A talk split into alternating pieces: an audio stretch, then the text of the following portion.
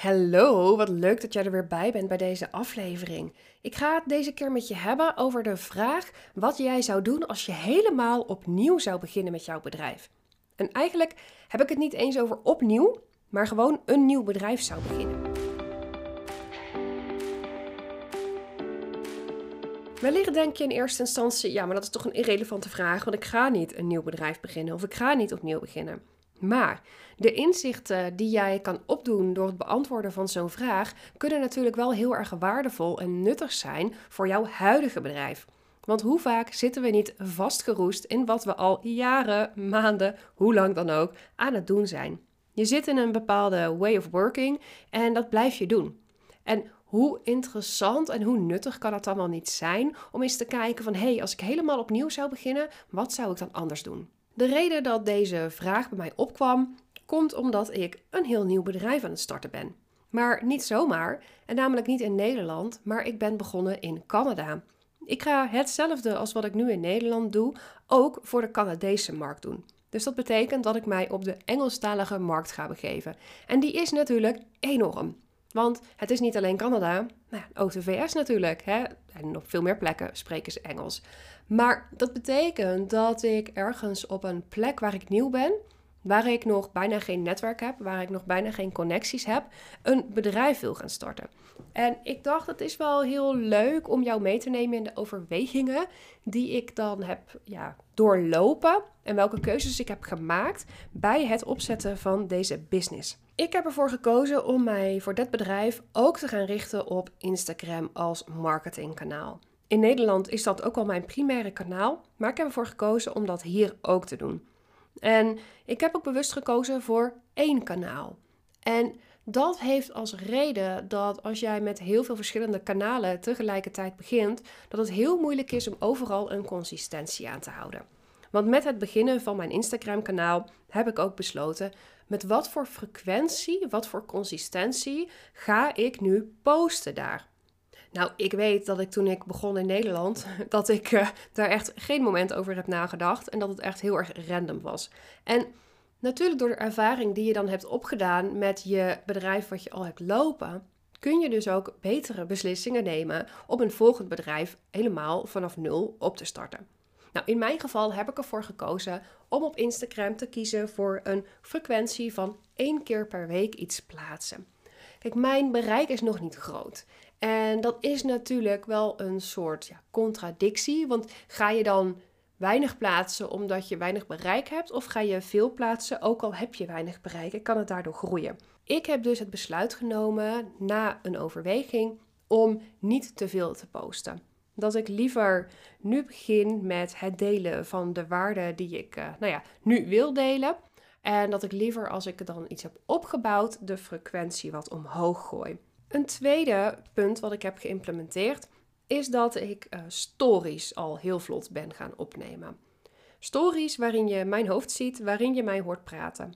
Want door het maken van stories maak je een connectie met je volgers. Het is zo'n eigenlijk laagdrempelige, makkelijke manier om gelijk feeling te krijgen met mensen. En dat is bijvoorbeeld dat is een hobbel die ik zeker heb overgemoeten toen ik uh, in Nederland aan het Instagrammen was. Ik vond stories ik maken, ik vond het echt heel erg spannend, heel erg moeilijk en heel onwennig. Maar in het Nederlands gaat het me nu heel gemakkelijk af. En ik besloot dus, weet je, ik ga ook ervoor zorgen dat ik actief, niet, niet per se elke dag, maar dat ik er wel bewust bij stilsta dat ik op stories pratend verschijn. Om die mensen met wie ik geconnect ben, om daar gelijk een goede band mee op te bouwen. Een derde actie die ik heb genomen toen ik dus opnieuw ben begonnen, is dat ik ook hashtags ben gaan volgen. Je kunt niet alleen mensen volgen, je kunt ook hashtags volgen. En het nadeel is natuurlijk met Engelstalige hashtags dat die enorm groot kunnen zijn. Want niet alleen de Engelsen spreken Engels. Ja, weet je, bijna elke Nederlander spreekt ook Engels. Dat is dus lastig, dus ik heb ervoor gekozen om regionale hashtags te zoeken. Ik ben gaan kijken wat gebruiken bedrijven bij mij in de regio en dat ik die zelf ook ben gaan gebruiken en die ook ben gaan volgen. Op deze manier zie ik iedere keer nieuwe profielen in mijn feed voorbij komen waarvan ik kan denken: hey, vind ik dat interessant en ga ik die volgen ja of nee? Je moet je dus realiseren dat ik een, een bedrijf aan het beginnen ben in een gebied wat, nou ja, waar ik woon, zijn zo'n 25.000 inwoners. En het volgende dorp, wat is heel klein, dat is een half uur verderop. En de volgende echt grote stad, ja, die, die is zo'n vier uur, vijf uur rijden verderop. Dus het is hier niet zoals in Nederland dat je een heel erg dicht bevolkte ja, community Ja, community is niet het juiste woord. Maar dat je een heel dichtbevolkt gebied hebt waar mensen heel snel ook uh, mond tot mond over je kunnen praten. Nee, het is heel beperkt. En daarom vind ik het dus belangrijk dat ik begin wel bij het regionale. Daarna ga ik naar het provinciale, want ja, de provincies hier zijn natuurlijk ook enorm. En daarna ga ik wel steeds groter en groter kijken. Maar ik heb er dus ook voor gekozen. Dat is dus eigenlijk een, ook een, uh, een apart punt. Dat stond niet op mijn lijstje. Ik heb uh, vijf punten opgeschreven. Dat ik dus heb gekozen om op een regio te gaan richten. Een vierde punt, als ik toch even weer netjes naar mijn, uh, mijn lijstje toe ga, is dat ik op mijn Instagram kanaal actief om shout-outs vraag. Ik vraag actief aan mensen: hey, vind je mijn profiel interessant? Wil je het dan delen? Wil je mijn profiel bij anderen onder de aandacht brengen? Want de mensen die mij volgen, die realiseren misschien, misschien, weet ik wel zeker, de mensen die mij volgen realiseren niet in wat voor positie ik mij bevind. Die weten niet dat ik helemaal vanaf nul begin, dat ik hier nog bijna niemand ken. En misschien weet een enkeling dat wel, maar alsof ze dan zullen doordenken dat het dus voor mij heel moeilijk is om connecties op te doen. Nee, dat denken ze niet, want mensen zijn met zichzelf bezig. Mensen zijn niet met mij bezig. Dus dat leidt ertoe dat ik actief ga vragen om shout-outs. En ook natuurlijk dat ik actief de interactie aanga met mensen. En reageren onder posts. En ook ervoor zorgen dat ik in de DM-gesprekken aanga. Dat ik als ik denk, oh, dat ziet er mooi uit bij iemand, dat ik hem ook gewoon uitspreek. En tenslotte, het laatste, het vijfde punt wat ik in deze aflevering met je wil behandelen, is dat ik een podcast zou beginnen en ook ga beginnen. Ik heb mijn Instagram nu een tijd geleden opgestart. Die consistentie die zit er goed in van één keer per week iets plaatsen. Dat, wat ik nu eigenlijk gewoon doe, is mijn Nederlandstalige content ga ik vertalen naar het Engels en die plaats ik daar. Want kijk, ik heb natuurlijk gewoon al nagedacht over die Nederlandstalige content. Het is natuurlijk onzin om alles helemaal nieuw te beginnen.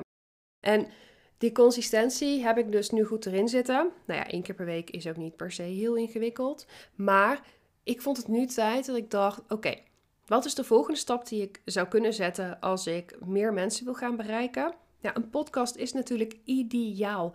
Mensen kunnen heel laagdrempelig, makkelijk kennis met je maken. Ze horen je spreken, daar komt ook een vertrouwensgevoel uit naar voren. Het is anoniem en je kunt daar ja, mensen mee bereiken dat je gewoon geen idee hebt dat ze eigenlijk naar je aan het luisteren zijn. Dus ik vond het starten van een podcast een hele waardevolle volgende stap in het uitbouwen van mijn bedrijf hier in Canada.